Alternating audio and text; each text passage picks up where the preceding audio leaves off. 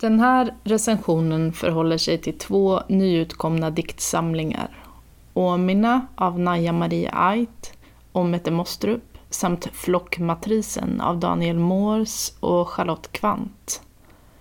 Under sent 2010-tal har det kommit ett antal andra diktsamlingar med delat författarskap, till exempel Svetlana Kurstans och Athena Farrokhzads Terado, Johanna Frid och Gorana Spasics familjeepos samt Lina Hagelbäck och Ulrika Nilsens Ömhetsmarker. Jag är själv intresserad av det kollektiva skrivandets former och har ägnat stora delar av mitt textliv åt det. En erfarenhet som jag då har dragit handlar om reception. Det kollektiva skrivandet bjuder in läsaren till en fantasi om avsändarna som inte är identisk med fantasin om den ensamma författaren.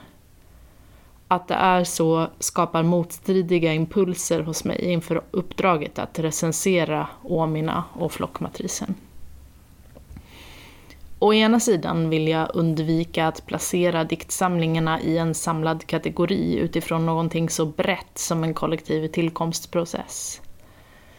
I synnerhet som även så kallat ensamt skrivande egentligen villkoras av det sociala, både i uppkomst och utgivning.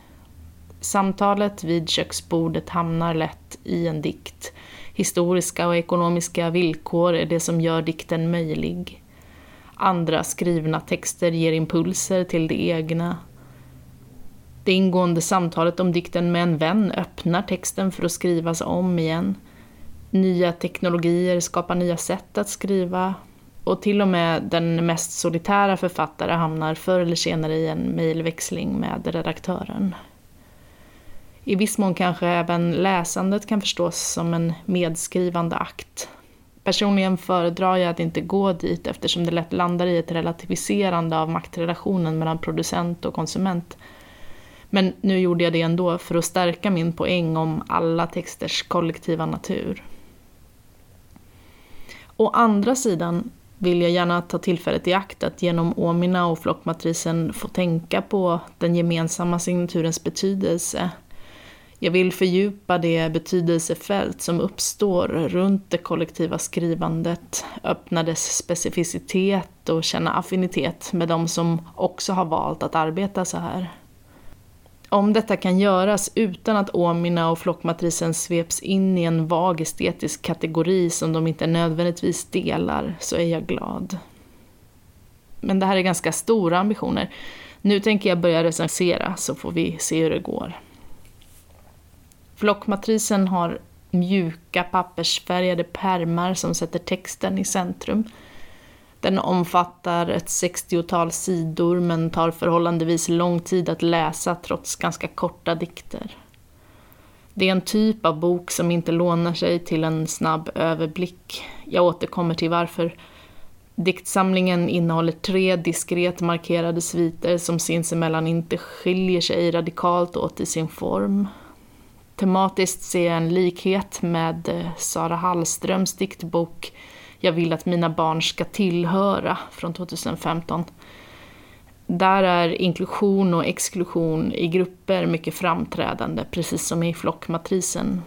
Men om Hallström intresserar sig för barnomsorgens miljöer verkar flockmatrisen ha ett betydligt bredare fokus. Människors grupper i allmänhet, djurs grupper i allmänhet.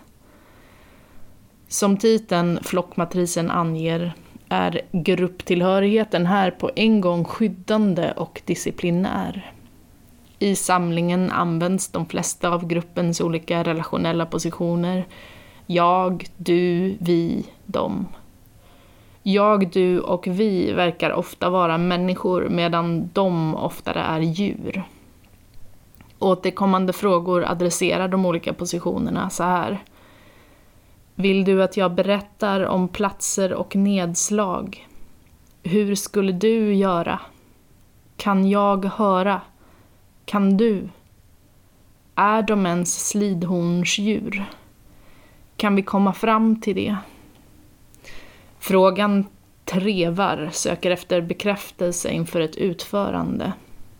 Ibland får jag en känsla av att dessa frågor är författarrösternas frågor till varandra och till texten. Hade jag läst det annorlunda om författaren var en? Kanske. De dialogiska frågorna är i vilket fall bara ett uttryck bland många. Och det är detta som gör att det tar tid att läsa texten. Flockmatrisen skiftar ständigt perspektiv, ton, fokus, rytm och röst. En sorts röst är jaget som reflekterar över sig själv och sin omvärld. Citat. Lydnad är inget stort för mig. Ibland har jag många händer, men mättar utan dem. Du andas häftigt nu, det liv som hackar sig in i oss. Slutcitat. Här används språket för att både föreställa och göra kropp. Genom texten kan jag känna andningen som hackar. Ett annat sätt att skapa dikten är att bygga av abstrakta skärvor, komponera med klang och streck. I flockmatrisen hittar man rader som varje gång stämningen skärps dras en triangel mellan nyckelben och navel. Eller kausaliteten blir ifrågasatt ur klar och säker källa som stämsång. Det här sticker ut. Flockmatrisen är egentligen inte en dikt där fragmentet står i centrum. Kanske är det en kod mellan författarna som laddats genom dialogen, en liten ansats till ett nytt språk. I vilket fall är den abstrakta språkdräkten inte helt självklar i relation till det jag sett av de respektive författarnas egna tidigare produktion. Nu har jag inte läst allt och i synnerhet inte av Kvant, men för att exemplifiera så går Kvants Epikris 2016 sakligt in i en döende och död kropps olika lager. Och Moores poesidebut Simon Illusioner skildrar utsattheten i ungdomligt icke-heterosexuellt begär. I ingen av dessa böcker undrar jag vad någonting är, men det undrar jag då och då i flockmatrisen. Undrar gör jag också över den tydligt rytmavvikande anaforvers med början En flyktplan, som bryter in med korta rader över ett uppslag i sista sviten. Där ryms som ögat, som magsäck, som nerv, som kvarn och som jakt, som karm, som sökande ljus i samma långa uppräkning. Det är en sorts kropp med organ, men den har för mig ingen tydlig länkning eller avgränsning för vilka delar den kan inlämna. En grupp kan nog vara så, fylld av olika perspektiv och svår att definiera, fixera. Inför flockmatrisen blir mitt seende många gånger dubbelt. Jag glider in och ut ur rösterna, lagren och rytmerna utan att riktigt veta var jag ska fästa blicken. Det får mig att irra. En av mina tryggare identifikationspunkter som läsare är en fårflock. Det är ganska vanliga får, de går, står, bär foster. Men runt dessa får händer någonting som tydliggör hur den mångröstade textens ambivalens kan försätta tecken i glidning. Det har att göra med får som politiskt laddat skällsord, får som står för viljelöshet och dumhet. Det är inte så att flockmatrisen på ett ihärdigt eller riktat sätt åkallar den bilden.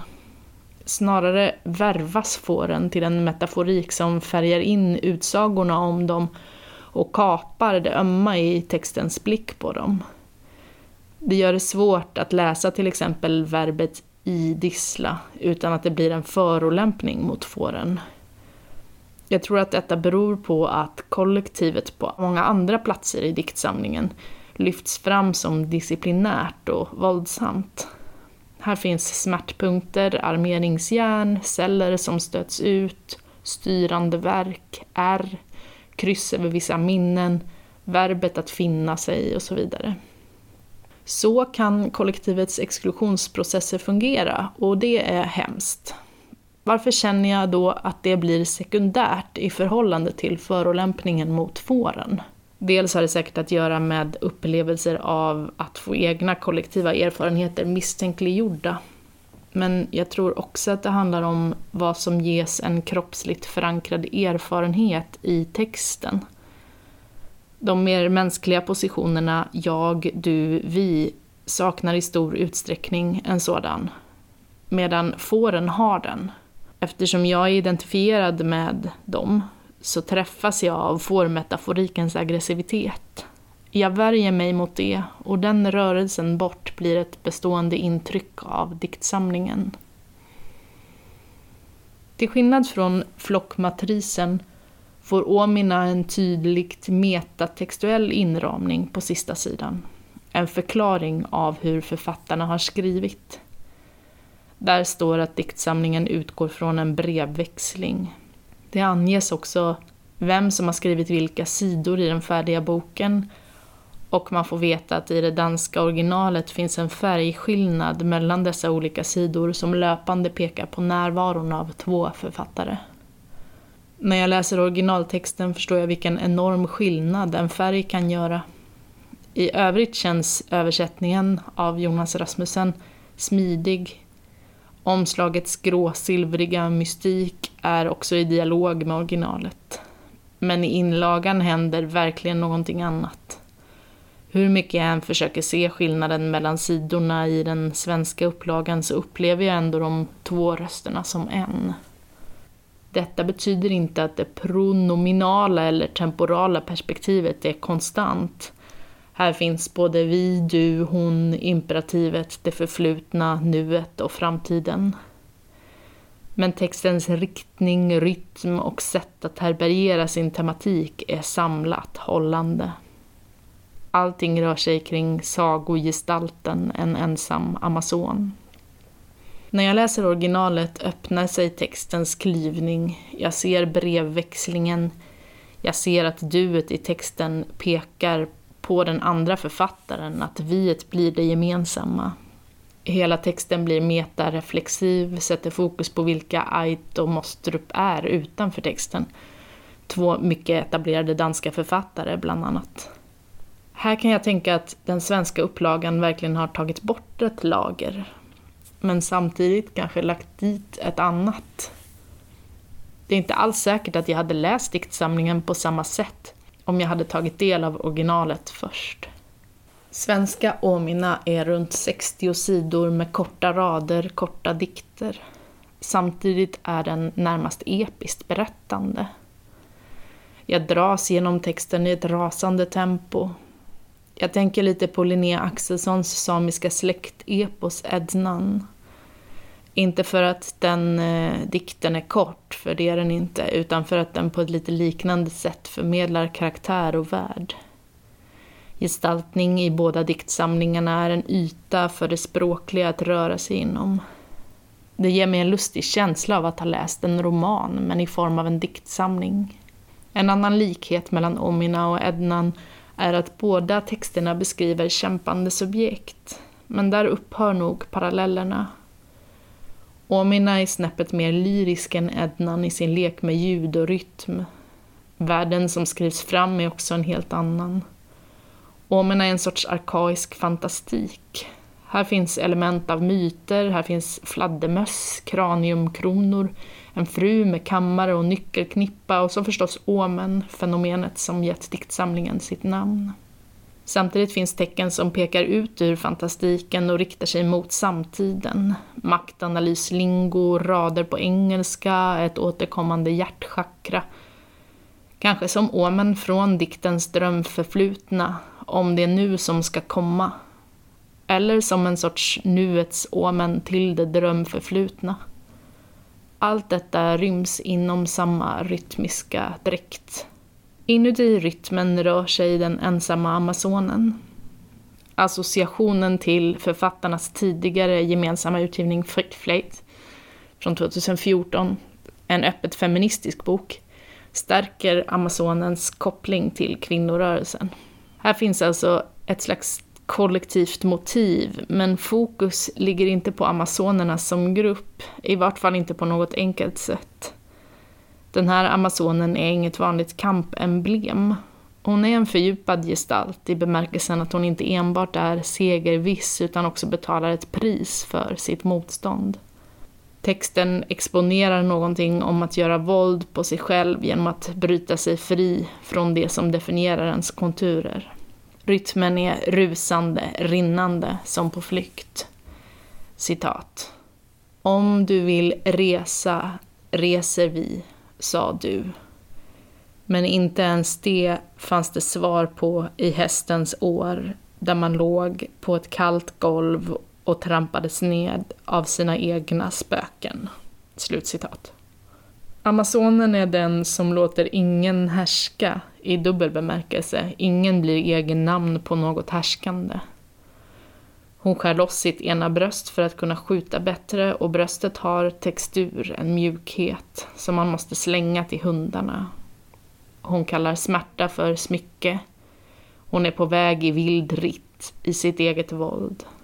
I synnerhet i det danska originalets markerade dialog, men även i den svenska formen känner jag hur eh, författarnas gemensamhet så att säga slår följe med denna Amazon. I blicken på henne, i blicken på varandra, i det återkommande du-tilltalet, i de profetiska utsagorna som genomkorsar tiden, i imperativet adjö my love, fatta mod, finns någon eller några som värnar om den ensamma, som har varit eller kommer att bli henne. Som läsare får jag också därmed rum att vara båda. Den som tillhör och den som måste dra, den som kan trösta och den som är tröstlös. Omina är ett tydligt exempel på att en kollektiv avsändare kan ge ord till en solitär erfarenhet, precis som att en ensam avsändare kan ge ord till det kollektiva. Samtidigt är både flockmatrisen och Omina på olika sätt upptagna av kollektivitet. Flockmatrisen skriver fram ett sökande i gruppers olika lager. Omina skriver fram ett våldsamt brott med kollektivet och vad det kostar att bryta sig loss. Säkert är dessa teman inte en ren slump i förhållande till de samskapande tillkomstprocesserna. Men det viktiga i detta sammanhang är egentligen inte vilka faktiska spår i texten som skrivprocessen kan tänkas ha gjort.